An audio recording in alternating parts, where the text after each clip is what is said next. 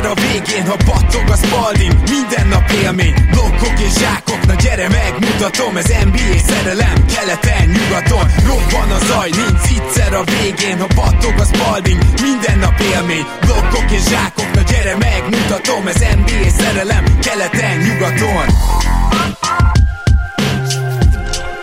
Éj jó! Szép jó napot kívánunk mindenkinek, ez itt a Keleten-nyugaton podcast a mikrofonok mögött Zukály Zoltán és Rédai Gábor. Szia Zoli! Szia Gábor, sziasztok, örülök, hogy itt lehetek. Kedves hallgatók, ma belenézünk a kristálygömbbe, és beszélgetünk arról, hogy mit várunk 2024-ben. Nem feltétlenül olyan szigorúan tízes listát csinálunk, mint amit az előző adásban, ahol ugye összefoglaltuk az előző év történelmi eseményeit, de azért mégiscsak hoztunk egy jó pár ilyen lehetséges szenáriót, amit átbeszélünk, és mindenek előtt el kell, hogy meséljek egy történetet, neked is Zoli, mert neked sem meséltem. Szóval, hogy lejárt a kötelező biztosítása a kocsimnak még tavaly májusban, és amilyen hülyék voltunk, ezt most így együtt tudom mondani, szóval utána meghosszabbítottuk, de a feleségem azt hitte, hogy én fizettem, én meg azt, hogy ő, a lényeg az, hogy csak nem fizettük be, és akkor így úgymond megszűnik ilyenkor, díj nem fizetéssel, és hát erről ugye a biztosító küld levelet, na hát akkor ugye kaptuk magunkat, hogy jaj, de hülyék voltunk, akkor kössünk újat, ilyenkor egy úgynevezett ilyen talán fedezet nélküli időszakra történő pénzt így be kell fizetni, és az igazi csavar a sztoriban az az, hogy hát mi ezt tudtuk vagy nem tudtuk, ugye ez az ez van, mi, mi csesztük el kategória, de hogy kikalkuláltuk, hogy hol lenne a legolcsóbb a kocsinak a biztosítása, és akkor így annál a hát biztosítónál kötöttünk ugye egy új kötelezőt. Na, hát ez tök jó, ki is küldte azt, hogy mennyi az éves, meg kiküldte azt is, hogy mennyi ez a kb. ilyen ködbér, amit ki kell fizetni. Jó, jó sok volt, de ez van, kifizettük, és akkor ez az új biztosító, ez a B, hát így küld egy levelet, hogy hát mégse ennyit kell fizetni, hanem még 30 ezerrel többet. És akkor így nézem, hogy mi van, fel is hívom őket, ez még novemberben volt, felhívom őket, hogy hát mi van, és akkor mondják, hogy hát igen, hogy az előző szerződésnek nem jó a száma, amit bediktáltam, és ezért nem találja a rendszer, és ilyenkor visszaesik a bónusz-málusz fokozatod, az előről kezdődik. Mondom, az nem jó, akkor inkább bediktálom a helyeset. Jó, bediktáltam a helyeset, tényleg rosszul írtuk be. Na hát azt gondoltam, hogy itt megoldódtak a problémák, de nem. Mert aztán most január elején is küldtek egy felszólítást, hogy de hát akkor ki kéne fizetnem még pluszba, mert kifizettük, amit eredetileg küldtek, hogy még pluszba ki kéne fizetnem azt a 30 valány ezret. Akkor így megint felhívtam őket, hogy hát ezt egyszer már elintéztük, meg lefutottuk ezt a kört, és akkor így a nagyon vicces volt, hogy sopánkodott nekem a telefon másik végén az emberünk, hogy hát igen, igen, lehet, de az sajnos nem jutott el a megfelelő emberekig, amit múltkor intéztem, úgyhogy akkor ő most ezt újra elintézi. Mondom, jó, oké, akkor csak nincs gond. Erre kaptam egy levelet, hogy a jogszabály szerint, hogyha lejár a biztosításod, ez most mindenkinek hasznos információ, azért is mesélem a történetet, akkor csak az előző biztosítóddal, ahol lejárt, azzal köthetsz újra. Ezt így másfél hónap után sikerült megtudnom, amikor már ideiglenes kötvényem volt, és annak a tudatában mentem mindenfele, hogy biztosítva van az autóm. Tehát, hogy így a B biztosító ezt az apróságot így nem vette figyelembe. Én nem tudom, hogy mi lett volna, hogyha nincs ez a kis malőr egyébként az előző szerződés szembediktálásánál, csinál, akkor ők érvénytelenül megkötöttek volna egy új biztosítást a kocsimra? És ugye nem kell mondanom, hogy ez a ködbér, ez most, hogy vissza kell mennem az előző biztosítóhoz, az A-hoz, ez sokkal magasabb lesz, tehát a B biztosító megkárosított engem, vagy olyan 40 ezer forinttal. Na, hát csak ezt így gondoltam ilyen tanmesének. Jó lesz elkezdeni ezzel 2024-et, én már kellően felbaszalintottam az agyam rajta, úgyhogy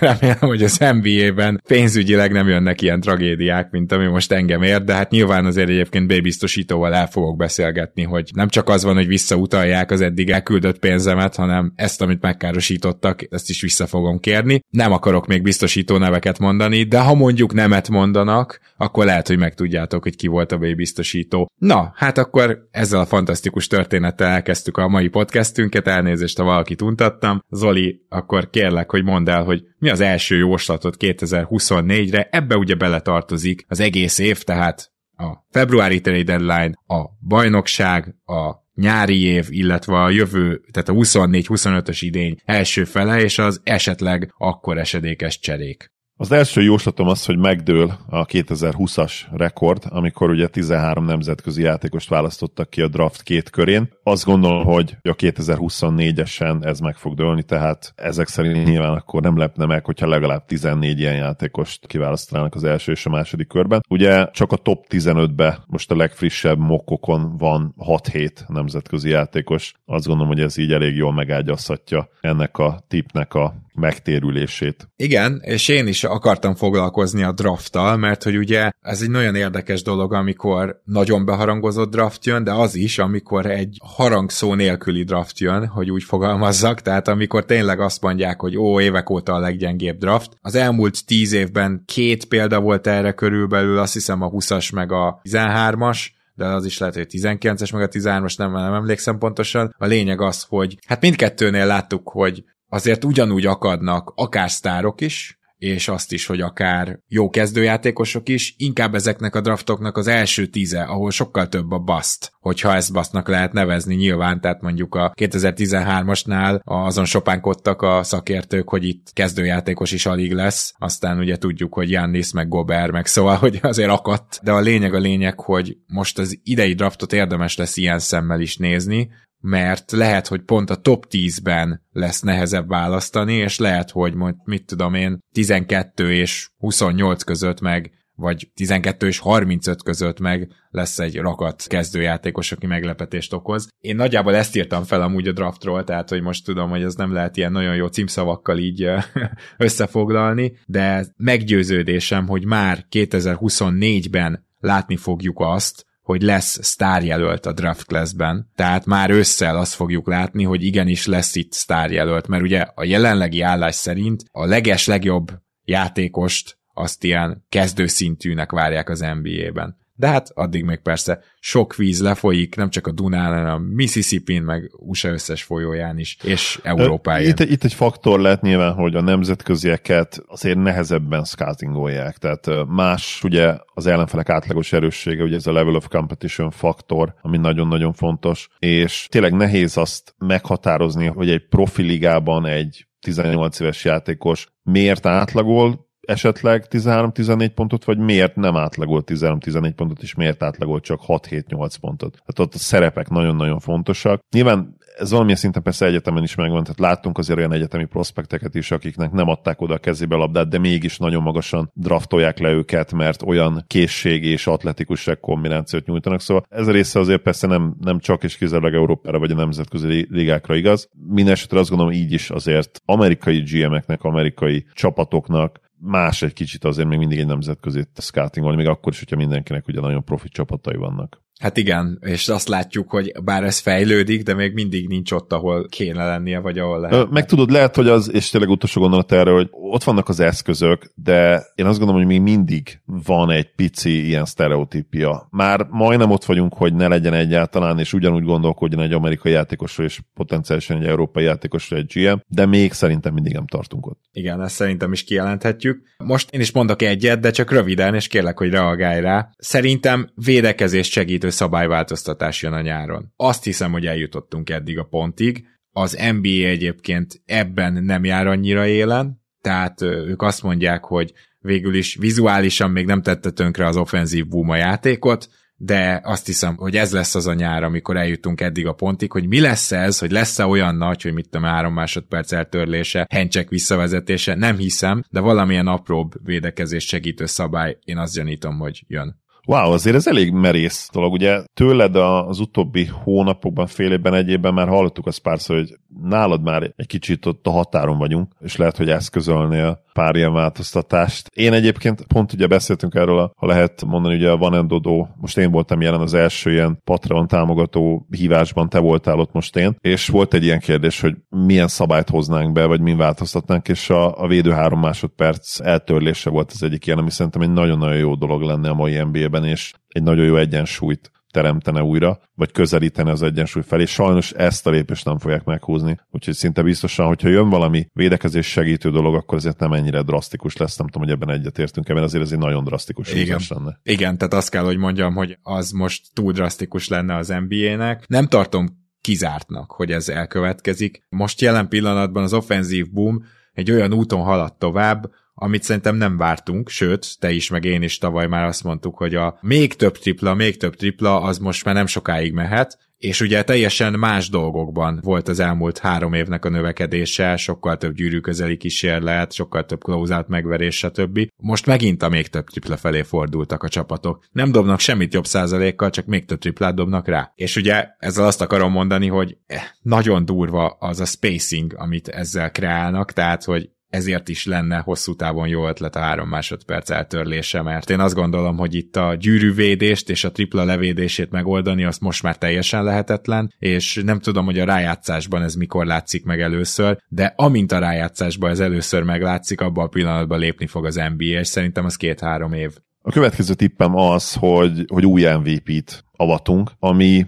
hát nem annyira őrült jóslat végül is, mert ezzel ugye mit mondunk, csak annyit, hogy nem Jannis, nem Embiid és nem is lesz a győztes, és hát ezzel szerintem azt is kimondjuk, hogy vagy Sáj vagy Luka lesz az MVP, és valószínű, hogy Sáj a csapat mérleg miatt. Igen, én is gondolkoztam, hogy felrakjam ezt a kristálygömbbe megmérettetni. Végül azért nem raktam föl, mert kicsit úgy érzem, hogy az, amit Sáj Alexander csinál, az mondjuk úgy, hogy nincs annyira, tehát nem, nem nyűgözi le annyira a szakírókat, mint amit mondjuk most Jokic és Embiid csinált ebben a párharcban, és ha csak az OKC nem végez mondjuk nyugati első helyen, én szerintem a jelenállás szerint Embiidet szavaznák meg, és én azt gondolom, hogy Embiidnek jön a következő MVP címe. Ez nyilván jóslás, és abszolút helytállónak gondolom a, a gondolatmenetet, és lehet, hogy most én Shai Alexandernek adnám ezt az MVP címet egyébként most így második meggondolásra, de ők ketten versenyeznének nálam is, Jokerrel együtt természetesen, szóval nagyon tartok viszont attól, hogy ez már itt a narratívák versenye lesz. Tehát, hogy nagyon nehéz is eldönteni tényleg, valóban, még mind a három mellett tudnék most ebbe a pillanatban teljesen jó érveket felhozni, viszont hogyha ennyire szoros marad a verseny, és ha még Luka is beszáll, amit ugye a decemberi teljesítménye indokol, csak a csapat teljesítmény nem,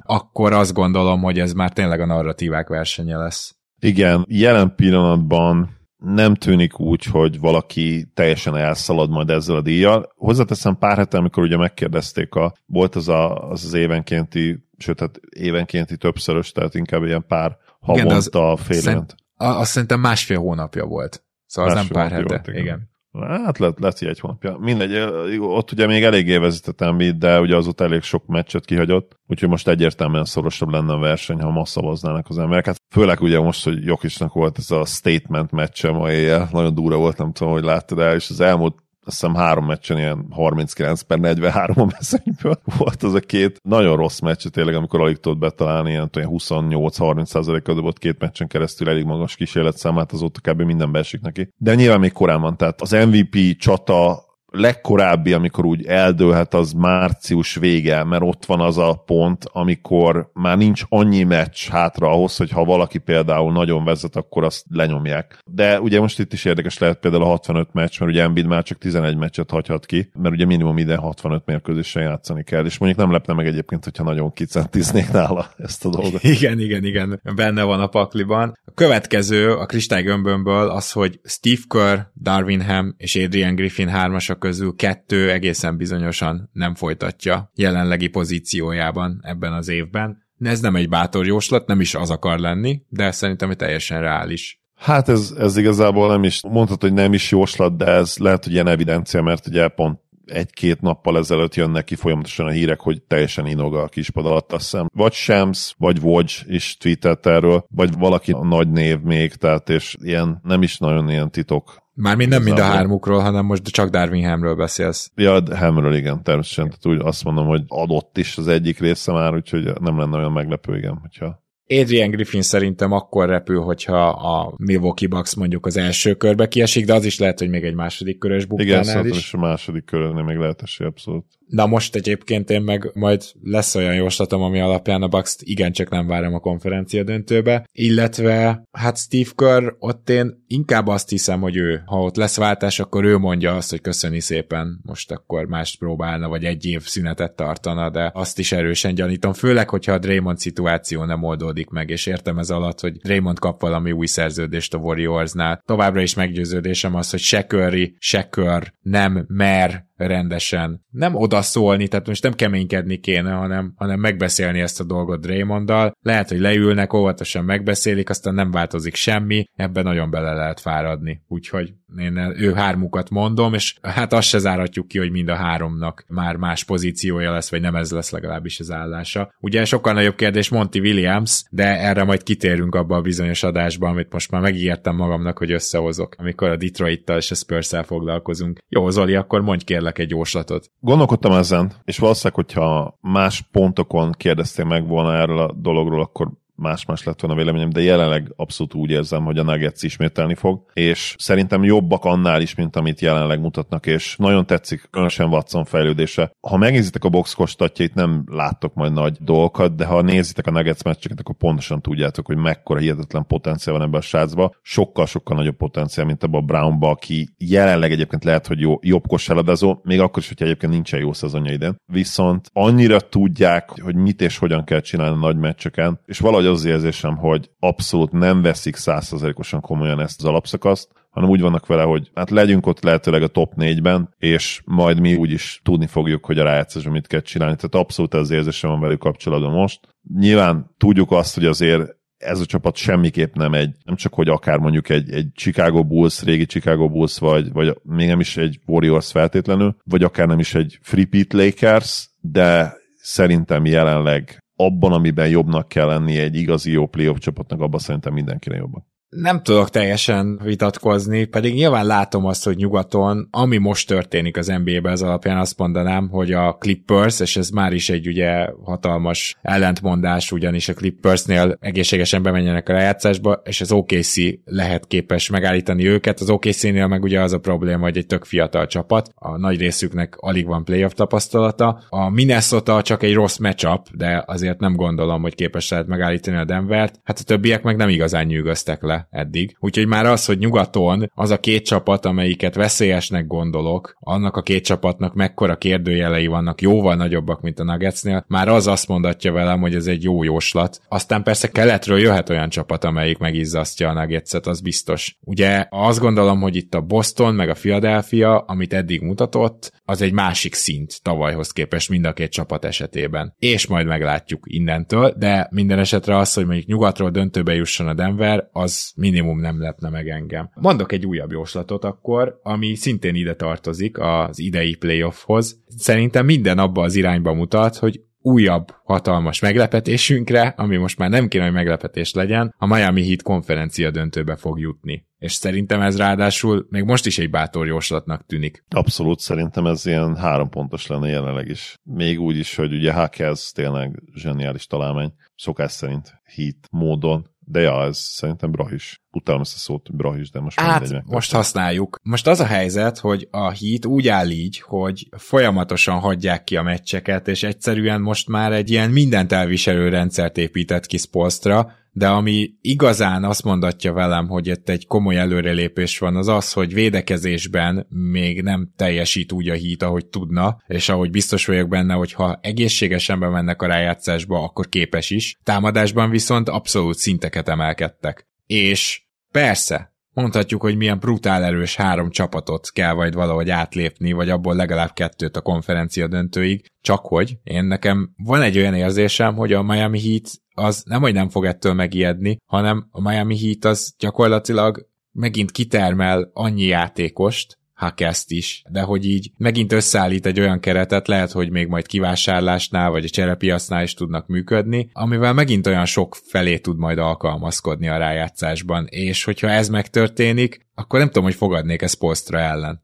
Szóval, szóval évekig, évekig kétségbe esettem mondtuk, hogy hát hittek nem kéne itt lennie, de nem véletlenül volt ott. Ja, figyelj, abszolút benne a pakliba. Kíváncsi leszek Jovicsra, ugye most volt a Warriors ellen is egy kifejezetten jó meccse, és most már a viradóra a Lakers ellen is, lehet, tegnap ott már kicsit összefolynak a napok, így az első újévi hét. Szóval a Lakers ellen is zseniális volt. Nem tudom, hogy erre tudnak majd építkezni, mert ő egy kicsit nyilván csalódás eddig, de ugye nem is nagyon volt egészséges. Ha vele is, ahogy Maja Gyuri barátunk mondta, valahogy a playoff rotációra fel tudja építeni Jovicsot is, akkor az alapvetően megváltoztathatja dolgokat, mert az tényleg a tavalyihoz képest egy támadásban sokoldalúbb csapat lenne ahogy mondtad te is. Igen, igen, és azért itt szóval az, hogy négyes poszton ilyen megoldásaik lehetnek, az még csak egy feltételes mód. De ha lesznek, akkor ez támadásban nyilván egy evalválódott csapat. Jó, menjünk tovább, mégpedig a te következő jóslatoddal. Az én következő jóslatom az, hogy a Celtics fog bejutni a döntőbe, ami nem egy akkora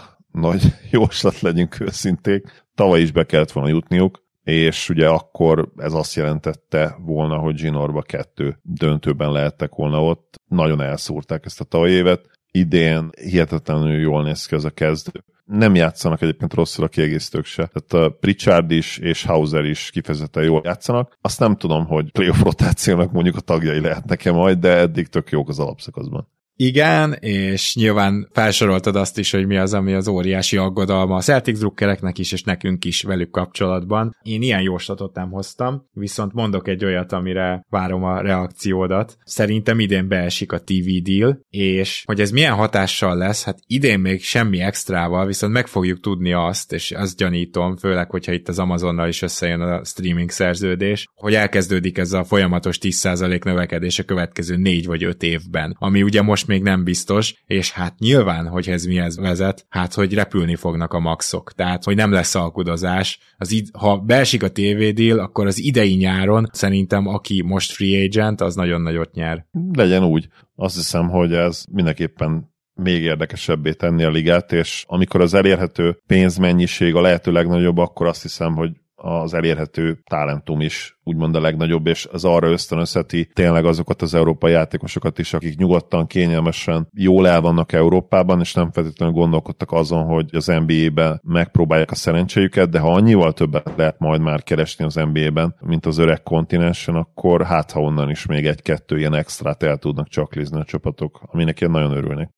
Mondjuk az egy nagyon érdekes kérdés, hogy Micsics meg Vezenkov példája, tehát hogy az most jó-e vagy rossz. Például Fontecchio tavaly ugye kikerült a jazz keretéből, idén meg már kezd. Szóval ez az általános ilyen egy év kell, hogy hozzászokja a ligához, ez ha csak nem vagy Luka Doncic alapvetően, meg ha nem vagy nagyon fiatal, akit már csak azért is játszatnak, vagy fejlesztenek, alapvetően ez igaznak tűnik még mindig. Micsics ugye elkezdett most már kicsit játszani, tehát így relatíve stabilan berakja őt Degno, nem játszik sokat, tehát ilyen 12-13 perceket, de legalább azt most már stabilan megkapja, szóval ez is valami. Most már első fél időkbe is berakta, a Celtics ellen is volt egy triplája, öt asszisztja, szóval remélhetőleg bár nyilván nagyon nehéz, mert ugye ez egy hihetetlenül mély keret, és Készon választ meg nem tudod kirakni Készon választ, mert egyszerűen nem hibázik a csávó. Igazából Készon válasznak lehet üvölteni kéne azért, hogy ne 20 percet játszas már létszes, hanem, vagy 18-20 percet, hanem 30-at. Annyira jó. Igen, de nem irányít annyira jól.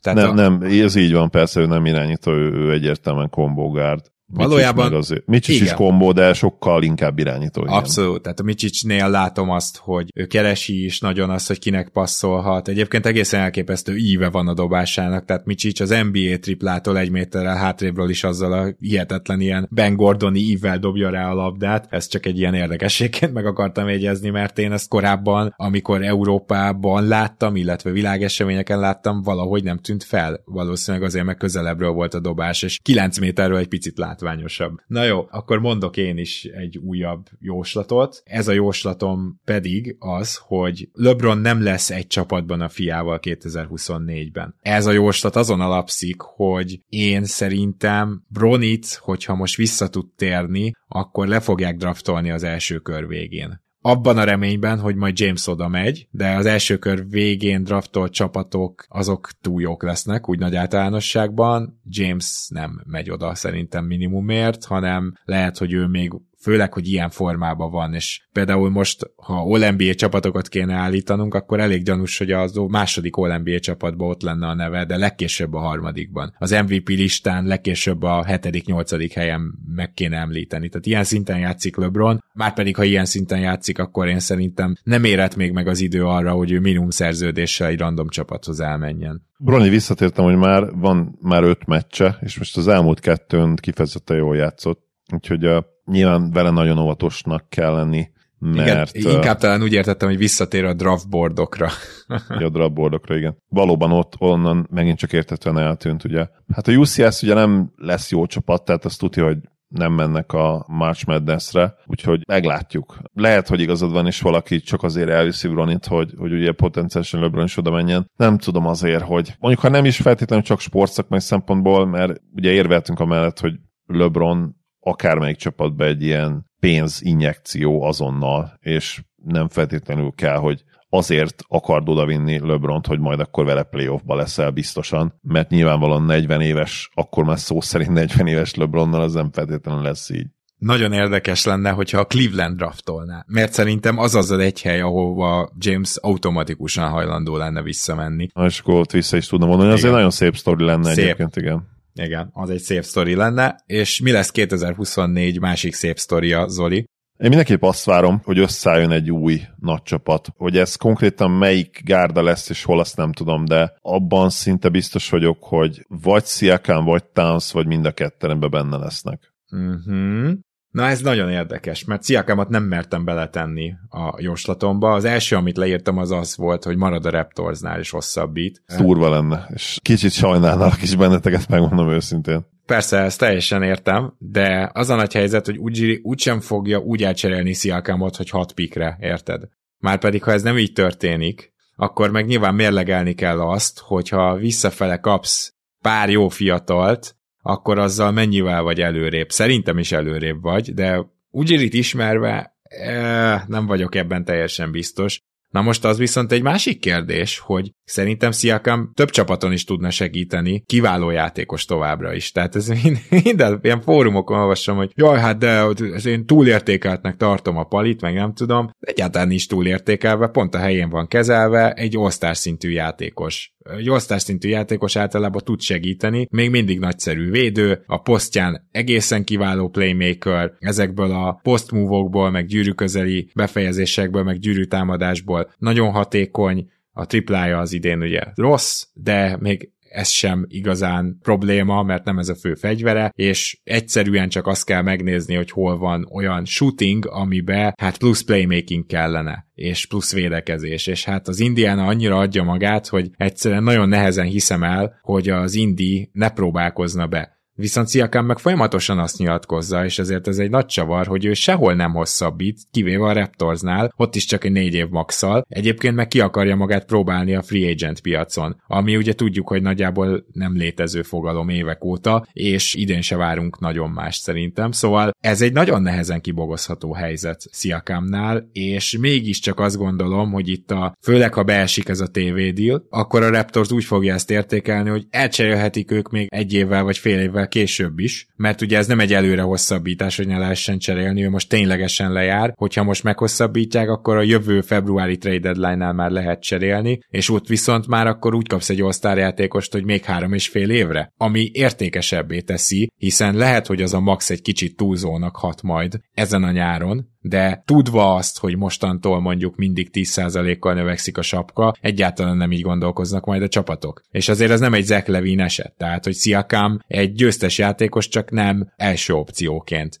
de ha második vagy harmadik opciónak hozod, akkor teljesen rendben van. Ugye Zach Levinnel az a baj, hogy hát így második, harmadik opcióként sem szeretnéd, hogy 40 milliós szerződésen nálad legyen. Úgyhogy ez egy ilyen nagy különbség, és ezért tartom ezt egy rohadt nehéz titunak. De hagyd mondjam el, Zoli, hogy én mit írtam föl. Majd mondok cserét is, de mondok egy olyat, ami szerintem tökre meglepi majd a hallgatóságot, meg téged is. Öt olyan nevet is felsorolok, aki folyamatosan csereplegykákban van, és mégis maradni fog az adott klubjánál, Siakam nincs benne. Lori Markanen, Donovan Mitchell, Kawhi Leonard, Paul George, tehát mind a ketten hosszabbítanak és maradnak a Clippersnél, ami egy külön esettanulmány lesz, mert akkor Norman Powell-t el kell cserélni, úgyhogy még te adsz mellé pikket, hogy ne jöjjön vissza semmi, hogy ne legyenek a second apron alatt, és a legnagyobb ilyen bombám az Demar DeRozan szerintem ő is marad, és egy évig meg fogja hosszabbítani a szerződését a Chicagónál. Ezek tök jó tippek szerintem döntő többségében. Demárnak szerintem abszolút nincs piaca. Én nem tudom elképzelni, hogy ezen a ponton legyen piaca. Látjuk, hogy Mármint bocs, bocs, bocs, csak hangsúlyozzuk, hogy max vagy max közeli szerződéssel, mert ha 20 millió aláírna valahol, akkor rögtön lenne piaca. Szerintem jó, nyilván akkor lenne, de akkor sem úgy lenne piaca, hogy azt gondolná a fogadó csapat, hogy minket Demar DeRozan fog átlökni a következő szintre, hanem úgy gondolná, hogy oké, okay, hát 20 millióért Demarra valamit csak tudunk kezdeni, nem tudom, hogy mibe fog nekünk annyit segíteni, de ennyit megér. Tehát körülbelül így fognák fel, szerintem nem mint ilyen missing piece, tudod, ilyen utolsó kirakós darabka. Szóval ez is azért más kontextus már szerintem nála. És hát azt látjuk ugye, hogy Lavin-nél mennyire nincs piac basszus, tehát Hát az teljesen halott, az érted, ez a vasárnapi piac, amikor bezár, de aztán rájössz, hogy már egy éve bezárt, és már így fújja a szél. Igen, tehát az derült ki, hogy igazából már egy éves se volt valószínűleg piaca, mert tök jó kezdte a szezon, és a sérülése előtt se volt még piaca. Tehát gyakorlatilag ez azt jelenti, hogy oké, okay, látjuk, Zek, tudsz 15 meccsen keresztül 28 pontot átlagolni 60%-os TS-sel, nem érdekel minket, sorry. Yep, pontosan. Akkor mondok egy következő jóslatot, ha már így a, a cserékre terelődött a hangsúly. Kettő van ez ügyben. Az egyik, hogy a Portland viszont cserélni fog, és Brogdon és Grant sem lesz 2024 karácsonyán Portland játékos. Én szerintem mind a kettőt elcserélik, és teljes joggal. Tehát a Portlandnek az, hogy mondjuk most két év tankolás jön, és nem csak idén, hanem még jövőre is, a 25-ös nagyon várt drafton is szeretnének majd jó pozícióba lenni, az teljesen logikus, és például ebben nekik furcsa módon, vagy ilyen kifacsart módon segít az, hogy Scoot Henderson nem gyorsan robbant be az NBA-be, de én még mind mindig nagyon, hogy is mondjam, nagyra tartom az ő potenciáját, és nem hiszem, hogy Portlandben sokkal máshogy gondolják. Azt hiszem, hogy Scoot henderson nem temethetjük el egy rosszul sikerült fél év után. Egyébként szerintem Eamon thompson se, meg nyilván neki a sok sérülés az még jobban betett, és hát Scootnak is volt sérülése, úgyhogy ezzel várjunk, de maga a Portland az pedig mondhatja azt, hogy most két éven keresztül szeretnék rossz lenni, miért nem mondhatná, és még értéket csinálni Brogdonból és Grantből, és ezzel párhuzamosan azt is elmondanám, hogy igazából van egy ilyen meglepetés tippem is. Az, hogy az Indiana Pacers cserél Siakamért vagy nem, azt nem tudom, de szerintem Bruce Brown, ő nem marad Pacer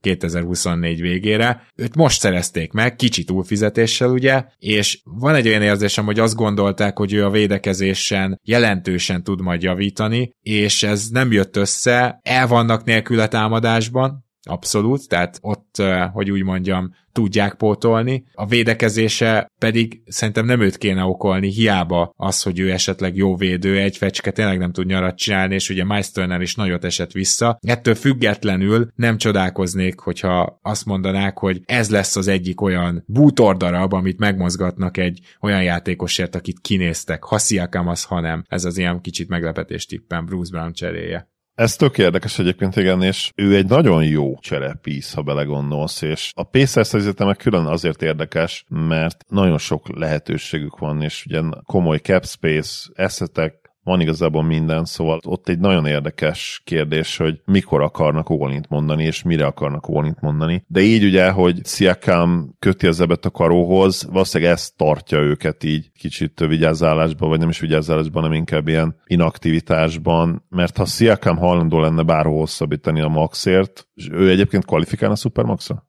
A Supermaxra most szerintem nem, mert már két éve volt All NBA tag. Szóval, hogy a Max, hogyha azt mondaná, hogy aláírom az öt éves Maxot, akkor már rég cserélt volna érte szerintem a Pacers. Mármint a négy éves, de igen. A négy éves, igen. De igen, tehát teljesen egyetértek, mert oda viszont ilyen álomfit, és gyakorlatilag ő az, aki a hiányzó darabka ahhoz, Abszolút. hogy ők szintet emelkedjenek. Egyébként a Mavericks is ilyen álomfit, csak ugye a Mavericks nem tud annyit cserélni érte, mint egy Pacers tudna.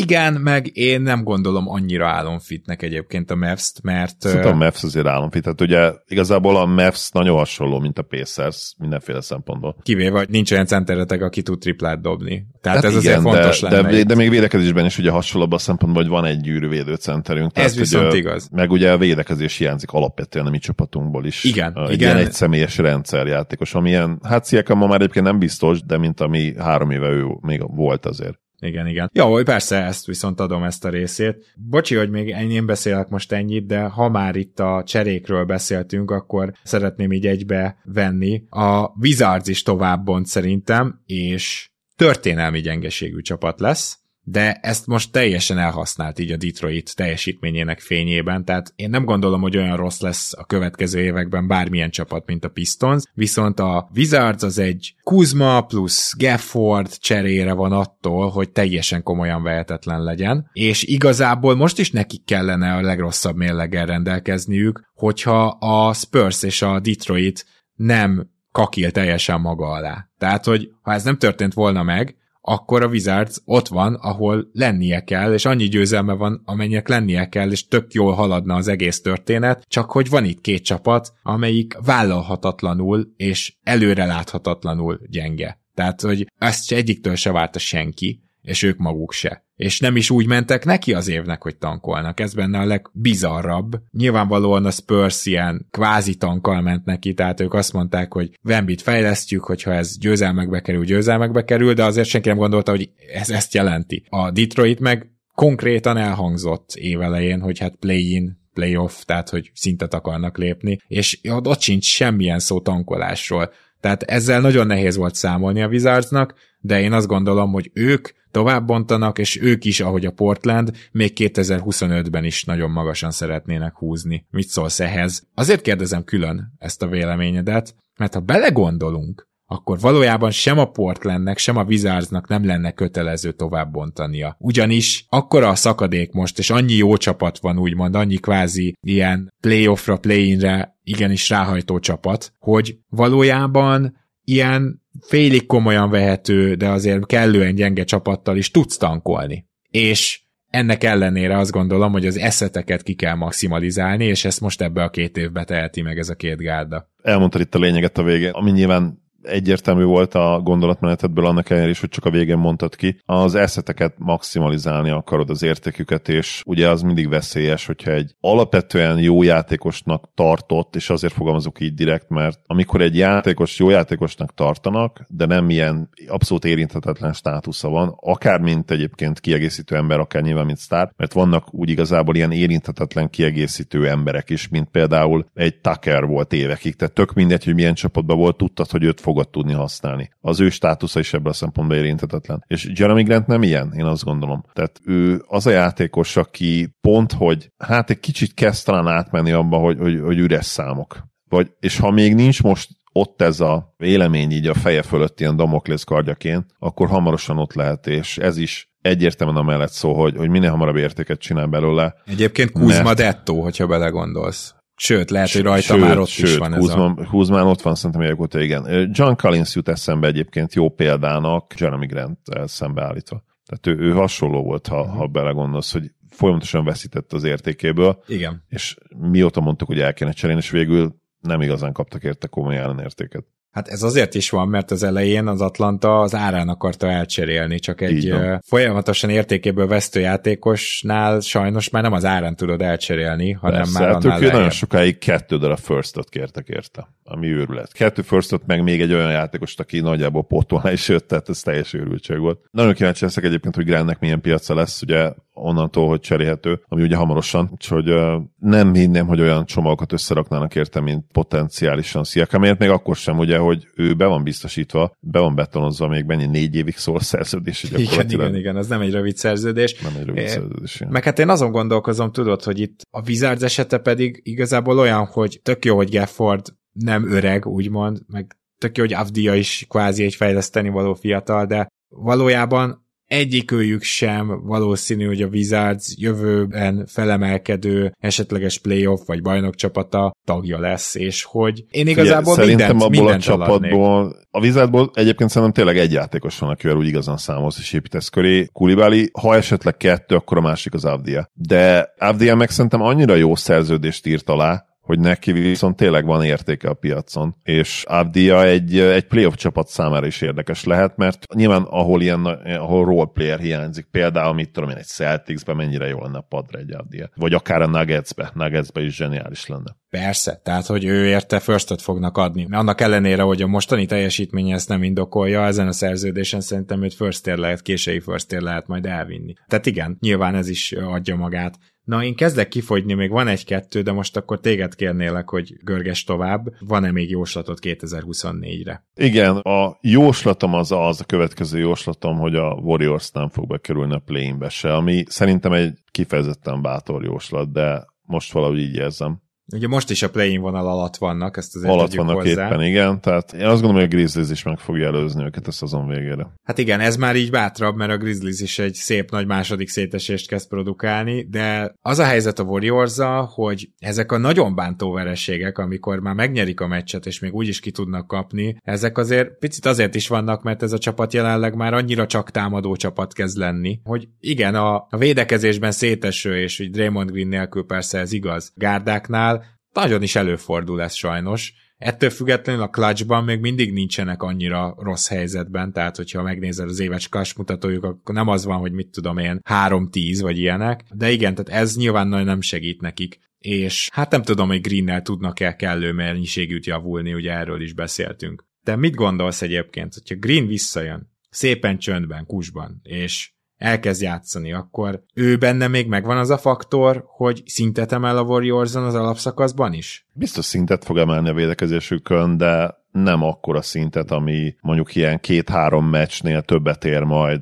mondjuk egy 30 meccses mintában. Tehát, tehát oda lövöm be az impactjét, hogyha mondjuk nélküle lehoznának 14-16-tal egy 30 meccses mintát, akkor vele le fognak hozni 17-13-mal. Tehát nem, nem lesz akkora ma már ez az impactbeli különbség, mert bár védekezésben nyilvánvalóan felerősíti őket, támadásban jelen pillanatban szerintem már Raymond mínuszos, és azt hiszem, hogy az EPM is ezt mutatja idén, de mindjárt megnézem. Hát akkor nagyot fogsz csodálkozni azon, hogy a védekezés impactja is a béka alatt van, úgyhogy igen, tehát hogy ha most csak az EPM-re akarunk agyatkozni, akkor, akkor nem leszünk túl, hogy is mondjam, optimista listák. Van még kettőm, és abból az egyiket gyorsan elmondom, hogy biztos kedves a szívednek. Szerintem mozogni fog a Dallas a trade deadline-nál, még most, nem is nyáron, és Dorian Finney-Smith-t visszahozzák. Hát, hogyha peak Kevin Garnett vagy Scottie Pippen nem elérhető, ami valószínű, akkor nem lenne probléma ezzel persze. Attól függően nyilván mit adunk fel. Remélem, hogy nem George Green-t egy az egyben, mert azt mondjuk sajnálnám. Még úgy is, hogy Greennek nincs egyébként olyan jó szezonja eddig, de még mindig nagyon fiatal, és nagyobb potenciál van benne, mint amennyire jó most még Dodó. Hát pedig lehet, hogy az lesz az ellenérték. Ezt nem lehet, néztem igen, meg. Igen. nem néztem meg igazából, csak azt, hogy a Dallasson gondolkoztunk Gedei Tibi barátunkkal, és néztük, hogy ki az, aki szóba jöhet, és tényleg segítene a Dallasson. Például ugye Ananubi fantasztikus lett volna oda, de nyilván mondjuk Quickly értékével önmagával nem versenyezhetett volna a Dallas. De hogy tényleg azt megnézve, hogy kik azok, akik reálisan elérhető célpontok lehetnek, én kitaláltam ezt az Avdia Gafford, ezt a párost, szerintem imádnák Dallasban, azért kvázi a maradék ólinjüket lehet, hogy be is mondanák, de nem biztos, hogy az elég. Viszont ha így szépen az ilyen vadabb ötletekről lemaradunk, akkor Dorian Finney-Smith a logikus választás, igazából ide jutottunk. Avdia Gafford amúgy tök jó lenne, csak az, hogy ugye Gafford és Lively kicsit ugyanaz a játékosok. Tehát idénre még tök jó, mert Gafford idén még nyilván jobb, mint Lively, és mondjuk nagyon jó cserecenter lenne jövőre. Mert Én pont ezt gondolom. Pont ezt gondolom. Igen. Folyamatosan Jó. lenne egy gyűrűvédő roll centeretek. Igen, egyébként ezt simán csinálnám, és kérdés, hogy mit kéne feladni érte. Josh Green.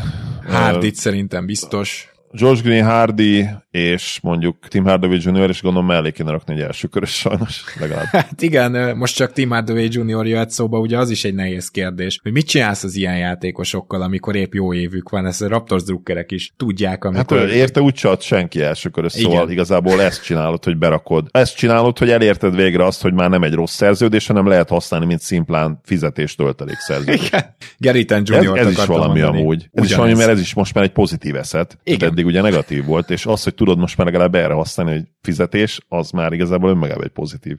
Hát abszolút, meg tudod, azon gondolkozom, hogy minden a playoffról kell, hogy szóljon egy ilyen csapatnál, és a playoffban Tim Hardaway Jr. jól jön, hogyha jó meccse van, de egyébként azért ott Luka meg Irving sokkal durvábban hát stoppolni fogja a labdát, illetve... Persze, ez... hát ott megeleve 40 percet játszik mind a kettő. Azért, tehát, hogy nem, nem nagyon kell oda feltétlenül Hardaway, ha csak nem triplákat dobálni a hármas posztra, de akkor meg ugye a védekezésed rossz, szóval nincs itt jó megoldás. Jó, akkor még egy van, ez pedig, hát egy picit más típusú lesz, mint a többiek, az, hogy szerintem az idei olimpiáról nagyon komoly sztárok fognak hiányozni, ezt azért emelem ki külön, mert mindenki gyakorlatilag arról beszél, hogy itt most micsoda sztárparádé lesz, és az USA, és Durant, és Curry, és mindenki megy. Szerintem meg nem, de nem csak USA-nál, hanem én tartok tőle, hogy egy hosszabb Denver futás után Joker se fog elmenni, tartok tőle, hogy több olyan játékos lesz a nemzetközi, például mondjuk a németeknél, nem tudom, hogy egy ilyen VB győzelem után majd az olimpiára mekkora lesz a kedv, hogy kimenjenek, és azt kívánom, hogy ez a jóslatom ne váljon valóra, de szerintem hiányolni fogunk az olimpiáról jó sok sztárt, akinek ott lenne a helye. Nyilván amúgy is nevetséges, hogy milyen kevés csapat mehet ki az olimpiára, tehát ez egy vicc alapból. Ez a második fele mindenképp így van. A első felében nem értek egyet, tehát az olimpia azért az mindenkinél, kivéve az amerikaiakat, az mindig olyan, hogy mindenki komolyan veszi, és azért 2004 óta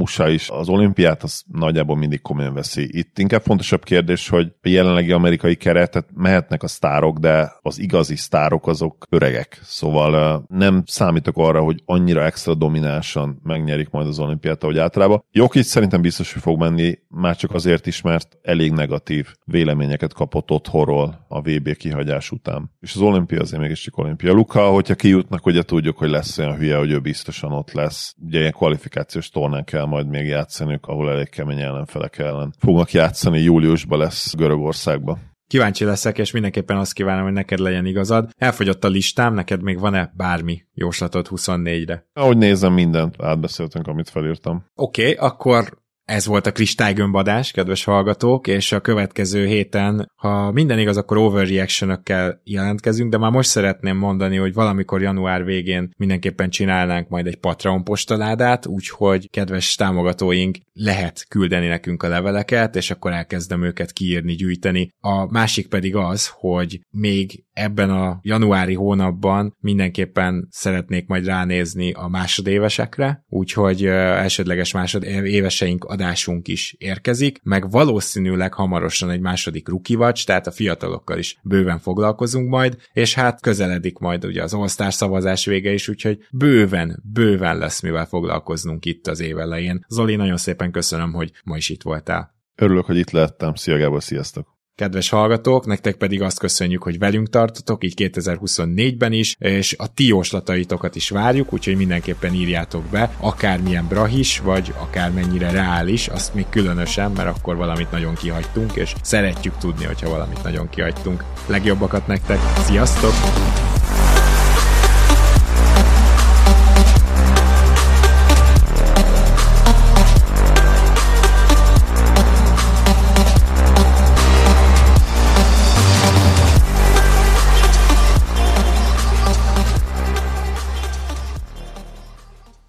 Ha más podcastekre is kíváncsi vagy, hallgassd meg a Béton műsor ajánlóját.